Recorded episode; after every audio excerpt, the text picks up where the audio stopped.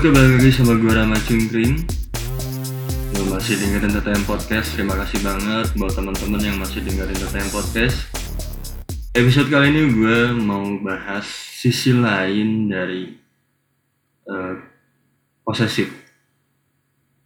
Jadi perasaan insecure yang biasanya berakar dari pengalaman masa lalu Bisa berdampak uh, seseorang menjadi posesif ketika dewasa Nah untuk episode kali ini gue nggak sendiri. Gue ditemenin temen gue. Dia juga pernah ada di podcast gue di episode sebelumnya. Ya, ini Alifah, cuman kalau misalkan suaranya agak agak begitu jelek, sorry ya. Soalnya ini via telepon. Halo Alifah. Hai semuanya, malam. Ya emang sekarang sih ngerekodnya malam. Kebetulan banget malam. Kebetulan banget malam ya. Biasanya kalau sama orang, sama orang-orang tuh siang ngerekodnya. Nah ini Pak, gue tuh tertarik banget eh, sama topik ini. Kalau misalkan banyak sih kalau misalkan ngomongin topik tentang posesif ya. Banyak Cuman banget. Yang dibahasnya biasanya sangat umum. Mm -mm.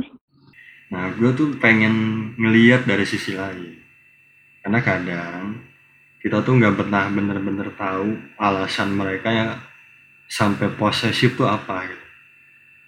Karena kan jawaban yang paling umum tuh rata-rata pasti ketika ditanya gitu ya kenapa sih ngasih sikap kayak gini? Kenapa sampai curiga banget?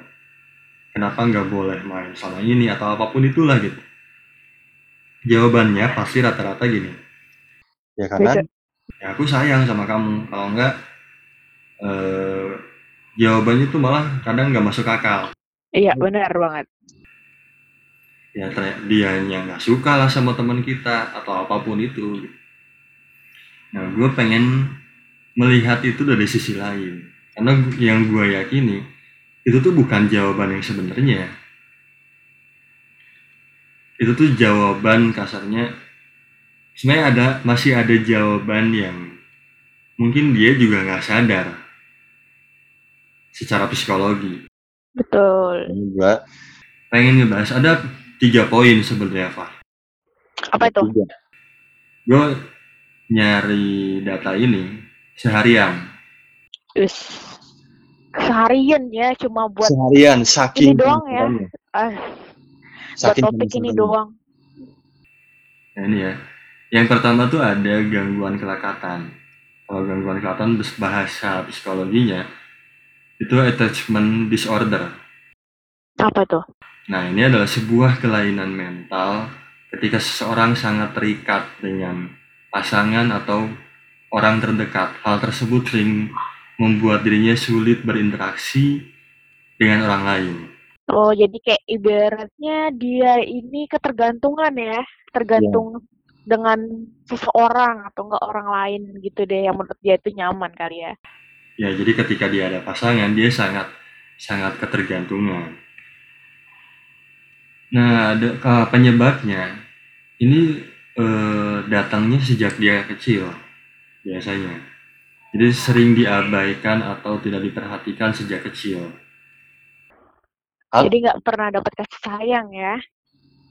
Iya mungkin kurang kayak kurang. Bisa jadi sih kayak gitu ya kebanyakan mungkin atau enggak ya kita sih nggak tahu ya mungkin yang di luar sana ada sebagian yang kayak gitu atau enggak lebih parah daripada itu. Ya, nah ini trauma di masa lalu pernah ditinggalkan sama orang yang udah sangat akrab. Bisa kerabat, bisa seorang figur, bisa apa aja sebetulnya. Nah itu yang pertama. Yang kedua, borderline personality disorder. Nah, ini adalah gangguan yang sangat serius untuk emosi seseorang. Biasanya mereka yang mengalami penyakit mental ini sering merasakan takut akan ditinggal, emosi tidak stabil sehingga paranoid terhadap diri sendiri. Eh, parah banget kayaknya yang kedua ini ya. Ya, bahkan eh, penelitian tuh belum menemukan penyebab apa ya penyebab pasti saking seriusnya di uh, para pihak psikolog tuh belum menemukan penyebab aslinya tuh gara-gara apa. Sampai sekarang ya? Sampai sekarang gue terakhir ngeliat datanya itu baru di-upload beberapa bulan lalu. Nah, tapi mungkin ada faktor lain. Salah satu penyebabnya adalah penyebab genetik atau lingkungan. Oke, kalau genetik berarti dia itu kayak apa ya? Lebih ke apa sih dia kalau genetik? Iya, ada faktor keturunan kalau genetik. Oke, berarti kalau lingkungan kayak lingkungan keluarga, teman atau sekolahan yang lain- lain-lain gitu lah ya. Ya. Jadi dia tuh merasa takut diabaikan sehingga membuat mengidap. Biasanya dia tuh sangat menghindari perpisahan. Berarti kalau udah nyaman sama satu Dikritik. orang takut takut ditinggalin gitu ya. Ya, takut dikritik juga, takut dapat penolakan. Oke, berarti tipe orang yang belum siap menerima kenyataan. Ya.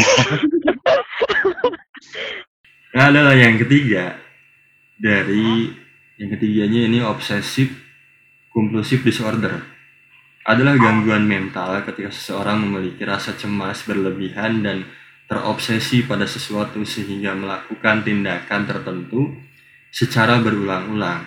Misalnya, kekhawatiran terhadap kebersihan tubuh sehingga cenderung membersihkan diri berkali-kali.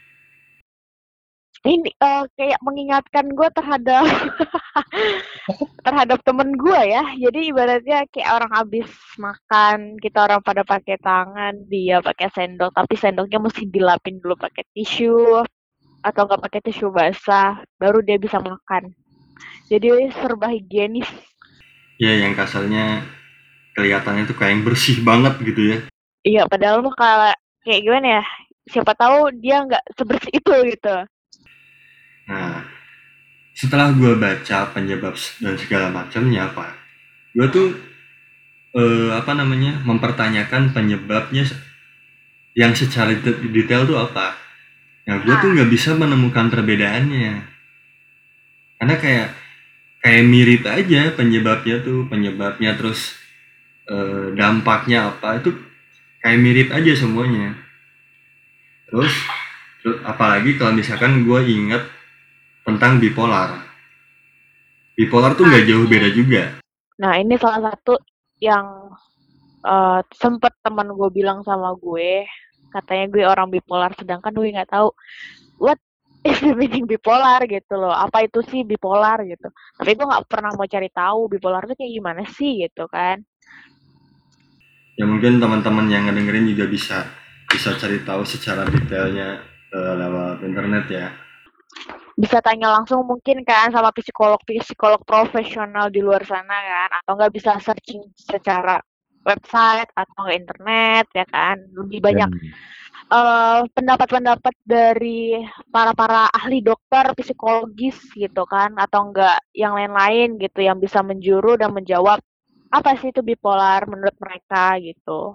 Nah, gue tuh saking penasarannya, saking saya pengen banget tahu gitu perbedaannya apa, gue sampai nanya ke psikolog. Langsung ya, langsung nanya, bener-bener nanya nih. Gue bener-bener nanya. Jadi kan sekarang tuh banyak aplikasi yang mendukung itu ya, kita bisa konsultasi lewat lewat online ya. Iya, bener kayak ada Betul. aplikasinya tersendiri gitu kita bisa Hmm. download ya kan tanpa Iya. mesti kita via internet. gue tuh sampai nanya perbedaannya apa terus untungnya dijawab untungnya dijawab walaupun dari gua sendiri belum puas gitu dengan jawabannya. Jadi masih masih masih mencari dari pihak yang lain ya. Karena kan kalau misalkan kayak gini kita ibaratnya harus, harus konsultasi via langsung gitu kan face to face atau enggak langsung mungkin telepon tapi harus berbayar dulu kan. iya. Nah si dokternya menjelaskan kalau attachment eh, disorder itu berkaitan dengan gangguan dalam hubungan sosial makanya mungkin tadi yang di awal ada eh, kesulitan berinteraksi. Nah itu mungkin yang dimaksudnya. Terus yang kedua, eh, borderline personality disorder berkaitan dengan gangguan suasana hati. Makanya ada rasa takut ditinggalkan, terus eh, emosinya nggak stabil. Nah kalau yang ketiga, obsesif uh, disorder adalah gangguan pada pikiran yang menyebabkan perilaku berulang. Nah, kalau misalkan dari dokter jawabannya seperti itu, sebenarnya gue tuh belum puas. Kalau yang kedua tadi kayak gimana ya? Kalau misalkan di kan dia susah kayak berinteraksi kayak gini dan takut terhadap sebuah penolakan atau reaksi ditinggalkan oleh siapa pun itu yang dia sudah nyaman banget terus akhirnya ditinggalin gitu kan jadi gimana gitu kan jadi ada luka terdalam tersendiri gitu kayak pendiam gini ya orangnya ya jadi gak ada mau interaksi dan takut antar sosial gitu ya mungkin terus yang gua garis bawahi sih rata-rata semua uh, tiga itu ada menyebutkan trauma di masa lalu. Wih, kalau trauma di masa lalu kayaknya sadis banget. Nah, karena kan kadang kita tuh nggak, yang tadi gue bilang, kita tuh nggak bener-bener tahu jawaban aslinya apa. Iya, bener banget. Karena soalnya dari uh, banyak uh, menurut si dokter ini, terus uh, menurut si psikolog ini, terus menurut orang-orang di luar sana itu kan ada yang sama pendapatnya, adapun yang bertanggapan berbeda gitu. Ya terus dari orang yang posesifnya pun, ya mungkin dia juga nggak sadar gitu bahwa dia tuh sedang sedang mengalami gangguan ini. Jadi jawabannya yang dia rasa emang memang emang benar gitu. Padahal kan mungkin nggak nggak sebenarnya itu jawabannya ada kan jawabannya tuh ya takut kehilangan atau mungkin ya karena gue sayang sama lu gitu ya kayak anak-anak zaman sekarang ya iya Posesif, itu kan jawaban overprotective ya kan iya jawaban-jawaban umum gitu iya jawaban-jawaban umum yang lebih banyak anak-anak muda ataupun orang-orang yang remaja dewasa menjelang ke atas eh remaja menjelang ke atas biasa kan uh, ber yeah. alasan seperti itu ya kan yeah. terus kan si yang apa ya pasangannya juga yang dapat sikap seperti itu yang ada malah malah makin jenuh terus malah ditinggalin. Itu kan yang sering terjadi kan? Ya benar banget. Karena gue juga pernah mengalami itu. Ya gak gak lu doang kayaknya ya. Gue juga begitu gitu. Ya gue udah muat banget dapat sikap seperti itu.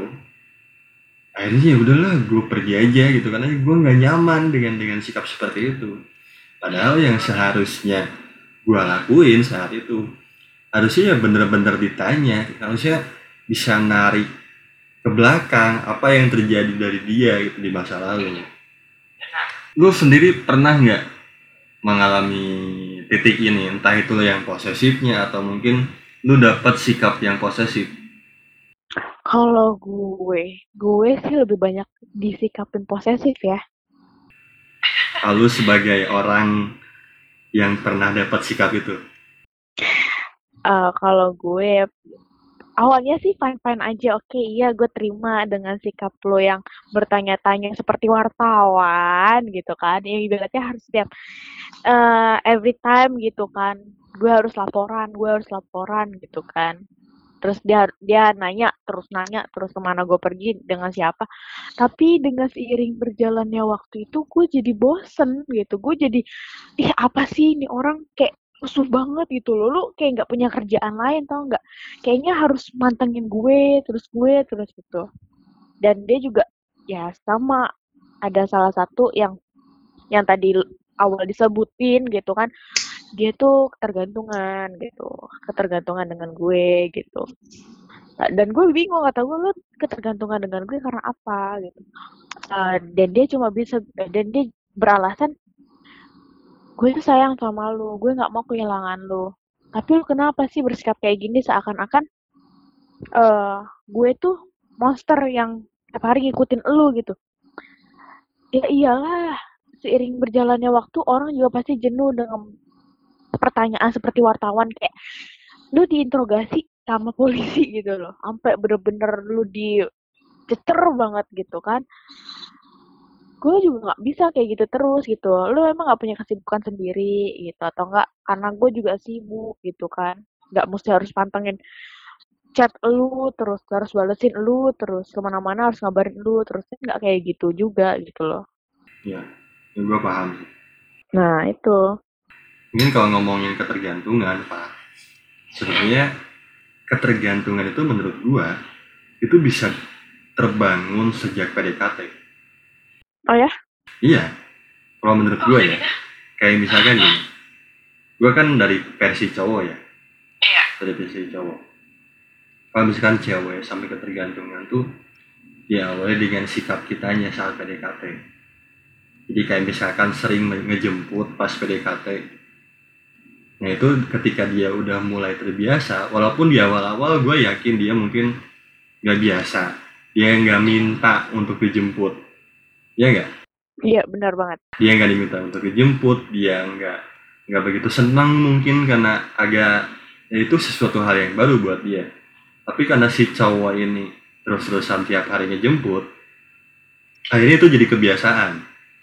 jadi ada rasa tersendiri ya buat dia Iya. jadi kalau ke mana-mana eh harus telepon kamu lagi di mana bisa jemput aku nggak gini gini gini Iya. gini kan Jadi ada ketergantungan yang awalnya dia mu- cuma nanya jemput nggak? Jemput nggak? Yang lama kelamaan akhirnya bu- bukan nanya lagi. Udah minta dijemput. Jemput dong gitu kan. Bukan Iya. minta tolong lagi kan. Minta tolong dong jemput aku. Nggak kan nggak ada basa-basi gitu lagi sekarang. Jemput aku dong ini. Aku udah pulang gini gini ya udah nggak akan ada basa-basi lagi. Iya langsung to the point guys. Nah, nah begitu pun sama dengan kayak misalkan kebiasaan-kebiasaan yang lainnya. Kayak sering teleponan ke mana-mana sering ngabarin. Sering video callan ya kan? Lagi itu Nah, itu sebenarnya ketergantungan yang dibangun sendiri kalau menurut gua. Jadi berawal dari sebuah hubungan yang baru akan dimulai terus sebuah sikap dari awal atau enggak sebuah aktivitas yang menjadi akan menjadi kebiasaan gitu sampai sekarang gitu kan. Jadi ketergantungan antar cewek atau si cowok ini gitu. Hmm. termasuk mungkin ketika dia sering meluangkan waktu. Jadi mulai ngilang dari teman-temannya. Mm benar. Ya, nggak punya waktu buat teman-temannya ya buat keluarga juga nggak punya. Jadi cuma buat dia seorang gitu. Ya udah dunia tuh kayak udah milik berdua aja gitu. Dunia suasana milik berdua guys. Yang lainnya cuma apa? Cuma ngekos nah ini kan jadi jadi apa ya jadi tertanam dari di orang itu. Jadi tertanam di mindset dia gitu aktivitas yang bakalan sering gue lakuin aktivitas yang sudah sering sudah sering bukan akan lagi sudah sering. Jadi kalau misalkan ada sehari nggak ada momen itu mungkin di awal biasa aja. Tapi lama kelamaan biasanya jadi pertengkaran.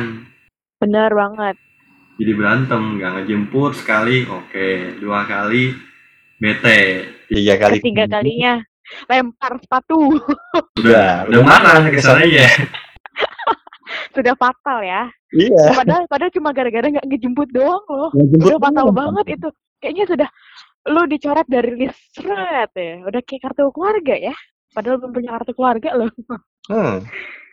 terus kan rata-rata si pihak yang ngejemputnya tuh kenapa sih cuman gara-gara nggak dijemput doang? Ya penyebabnya lu sendiri. Iya Oh. apalagi kalau misalkan sering telat jemput ya. Itu kan gara-gara katanya kebiasaan yang kalian bangun. Nah itu. Sama kayak misalkan eh, kecemburuan. Cuman mungkin ini dari dari sisi yang beda ya. Eh, yang kesamaannya mungkin ada rasa ketakutan kehilangan itu paling ada trauma. Bisa jadi karena mungkin eh, dia punya hubungan yang dulu sama seseorang yang dulu sama dia terus dia jadi trauma terdalam gitu kan. Dan Iya. akhirnya dia nggak mau sampai yang sama yang sekarang ini seperti yang dulu. Padahal salah mereka seperti itu. Harusnya oh ya kalau misalkan mereka seperti itu ya udah gitu. Mereka introspeksi dulu nih kenapa ya? Gue salah apa sih sampai-sampai dia jenuh dan meninggalkan gitu. Ya harusnya itu. Dari dari pihak dianya kayak gitu. Dari pihak kita eh, dari pihak kasanya kitanya yang dapat sikap itu. Kalau menurut gua harusnya kita tuh ngasih kayak bikin dia benar-benar percaya, ngasih komitmen yang jelas. Benar, kayak tadi sih apa yang gue tanyain sama seseorang sebelum sebelum gue nimbrung di sini ya enggak gue Ya. nanya dulu gue nanya dulu menurut sisi menurut sisi eh, si profesional ini gitu loh karena lebih lebih banyak pengalaman dia daripada gue gitu loh ram Ya, ini kan yang harusnya dilakuin kan benar-benar apa ya ngejaga komitmen, memas kasih ngasih tahu komitmennya seperti apa biar dianya nggak cemas gitu, biar dianya seenggaknya percaya lah gitu. Jadi harusnya dari awal punya hubungan itu kan harus membangun antar kepercayaan trusted gitu kan. Ya. percaya satu sama lain terus nggak curigaan gitu. Tapi gimana nih Ram kalau misalkan eh kita nih udah bangun sebuah komitmen sama seseorang nih. Oh. tapi di eh kayak gimana ya? Dia itu membuat kesalahan gitu dia jalan sama cewek lain dia nggak pernah ngomong sama ceweknya gitu kan ini agak kayak agak menyimpang dari obrolan ya Iya kalau menurut gue sikap kalau misalkan si cowoknya jadi gitu malah memperburuk keadaan. Udah mah kitanya belum tahu secara pasti dia posesif karena apa. Ditambah lagi si cowok begini membuat masalahnya menjadi keruh. Karena kemungkinan di belakangnya masa lalu dia pernah ada trauma, dikasih kayak gitu lagi malah makin jadi dong. nah jadi traumanya tambah dalam bang. Nah, yang kasihannya cowok setelahnya. nah itu. Yang bakalan jadi korbannya cowok berikutnya setelah si cowok ini. Jadi buat kalian teman-teman yang lagi merasakan, jangan salahin si ceweknya juga. Mungkin dia juga emang gak sadar. Salahin mantan-mantannya. bener bang kalau nggak kayak misalkan si cewek seperti itu tapi si cowok posesif atau enggak sebaliknya gitu kan jadi cobalah guys kalian-kalian para para eh yang punya pasangan di luar sana coba kalau misalkan kalian seperti apa yang kita bicarakan kali ini di episode kali ini coba kalian komen aja kalian pernah nggak kayak gitu terus coba kalian introspeksi aja diri kalian mungkin itu kalian seperti itu bisa jadi karena masa lalu kalian bersama mantan-mantan kalian. Jadi jangan langsung marah ke cewek atau cowoknya. Salahin mantannya. Jadi coba lah, kalau misalkan lu punya cewek atau enggak lu punya cowok guys di luar sana, coba lu berintrospeksi diri sendiri. Apa sih salah gue? Dan kalian coba lah mengingat kembali awal kalian kenalan, aktivitas yang sering kalian lakukan, kayak teleponan, chattingan sampai larut malam, ya enggak? Biasa kan Iya. begitu kan ya? Nah, Iya. sampai tugas kuliah, tugas sekolah, ataupun kerjaan kalian terbengkalai gitu kan. Cobalah berintrospeksi aja sekarang. Mungkin itu faktor dari diri kita sendiri, dari kalian sendiri yang diposesifin sama pasangan kalian gitu kan. Cobalah. Jadi kita harus membangun kepercayaannya dia dulu gitu biar dia percaya dulu sama kita kita seperti apa dan kasih aja penjelasan kalau ke mana-mana kasih tahu jangan bikin curigaan atau nggak bikin khawatir Nah, tapi harus hati-hati juga, Pak. Ke mana-mana ngasih tahu tuh bisa bikin ketergantungan. tuh makanya kan kan biasanya kan aw- awal awal awal PDKT gimana mak? Eh, aku mau jalan ya sama teman aku aku mau futsal ya gitu kan ibaratnya kan. Aktivitas yang tadinya si cewek atau enggak si pasangannya ini nggak tahu gitu kan. Kayak misalkan dia shopping atau enggak nyalon sama teman-temannya yang nggak tahu gitu kan. Aktivitas bener-bener bulanan atau enggak mingguannya mereka gitu. Akhirnya pasangan mereka tahu ya kan nah ketergantungan ya ketergantungan gitu jadi Hmm. hobi atau enggak aktivitas yang seharusnya enggak mereka tahu jadi tahu kadang suka mengingatkan bener nggak iya, itu tergantung masing-masing bagaimana mengendalikannya sih. betul betul banget Terus ada lagi ini, Pak, yang makin lama tuh makin ngatur kita. Nah ini dia ini. Ini paling berbahaya banget ini Ram. Berbahaya banget ini. Harus makan apa? Harus berhenti ngerokok. Iya buat buat para wanita yang nyuruh berhenti para cowoknya ngerokok. Dengan berdalih tentang kesehatan kita tuh tahu. Kita tuh tahu kalau itu tuh emang gak sehat. Kita tuh tahu cuman emang prosesnya panjang aja buat bener-bener berhenti. Panjang banget deh. ya udah udah mulai ngatur tuh udah di titik bener-bener nggak nyaman segala macam di harus harus sesuai dengan keinginan pasangan. Kayak mau potong rambut itu tuh yang yang paling simple deh. Potong rambut tuh jangan kepenekan dong jangan kayak gini dong. Nah gitu gitu menurut gua ya jadi suami istri belum udah ngatur kayak gitu sudah merasa eh, ada kepemilikan bahwa pasangan kita tuh emang sepenuhnya milik kita. Padahal ya yang harus disadari jangankan ketika eh, pacaran lah jauh banget lah udah jadi suami istri pun istri kita tetap bukan milik kita gitu. kita aja nih sebagai anak kita tuh nggak 100% milik orang tua kita gitu. Wah kita kan sebenarnya titipan Tuhan gitu Cuma dititipkan ya dan suatu saat nanti bakalan milik orang lain gitu. Kayak Kayak yang barang- cewek gitu kan. kayak barang-barang yang kita beli sendiri dengan uang sendiri itu kan bukan Nah. sepenuhnya milik kita juga Iya, suatu saat siapa tahu kita lagi butuh, kita jual. Nah, kan nggak ada yang tahu. jadi kasarnya harus disadari di situnya Jadi Betul. mungkin ketika disadari di sisi itu akan mulai mengerem mengatur gitu. Ngatur pasangannya kita.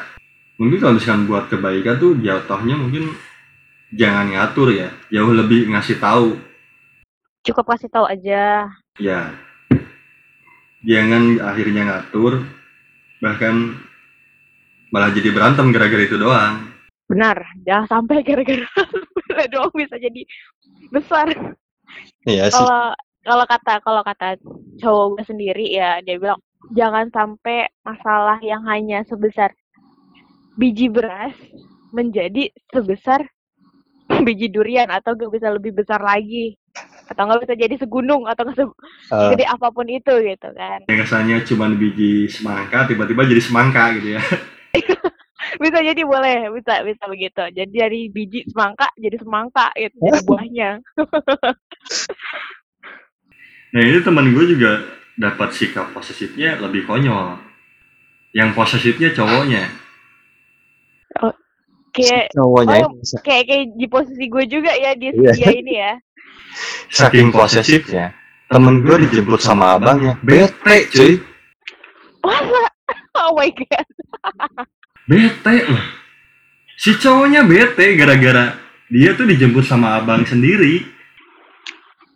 Eh, sebelumnya sih dia tahu nggak sih kalau misalkan si ceweknya ini bakal dijemput atau nggak dia udah kenal sama abangnya gitu Udah kenal, udah tahu. oh udah kenal berarti udah tahu keluarganya semua Kalau bener-bener tahu semua enggak, cuman ya cuman tahu aja kalau itu abangnya. Ya menurut gua nggak logis aja sih kalau udah sampai segitunya. Kayaknya emang dia bukan cuman ada gangguan tentang itu yang tadi gua sebutin. Kayaknya ada gangguan yang lain juga. Wah, gangguan apa nih? Gangguan makhluk-makhluk yang tak kasat mata atau bagaimana ini?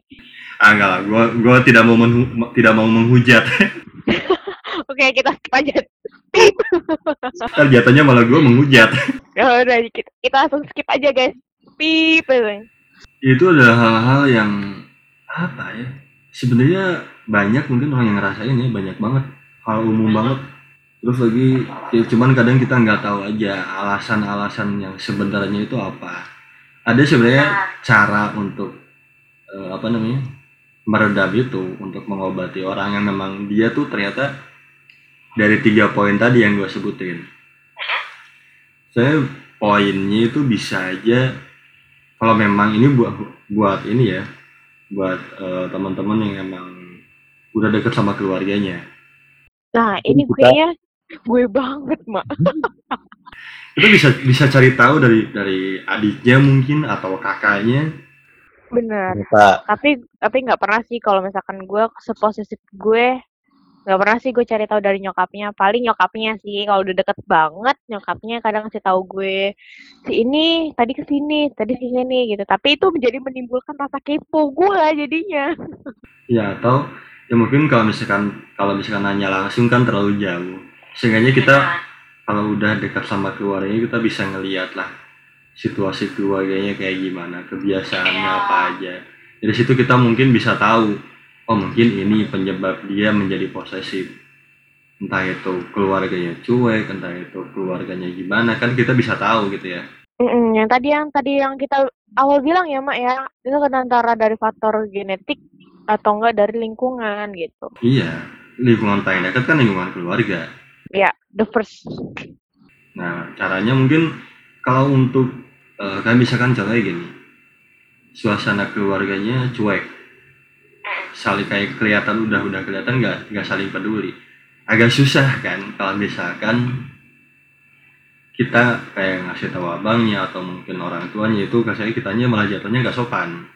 Nah mungkin kita bisa mulai dari pasangan kitanya, mulai kasih tahu dianya dulu yang harus mulai peduli. Iya, benar. Apa-apa kalau misalkan ya sama ya kayak orang mau dihargain atau mau kayak gimana ya lu harus mulai dari diri lu sendiri gitu. Iya, iya dianya dulu yang mulai peduli, membangun kepedulian di keluarga sampai akhirnya mereka peduli juga sama dia. Ya dia dapat feedback. Iya, jadi biar biar kasarnya sedikitnya agak agak apa ya terobati lah kalau misalkan memang dia ada ada gejala dari tiga gangguan yang tadi gue sebutin.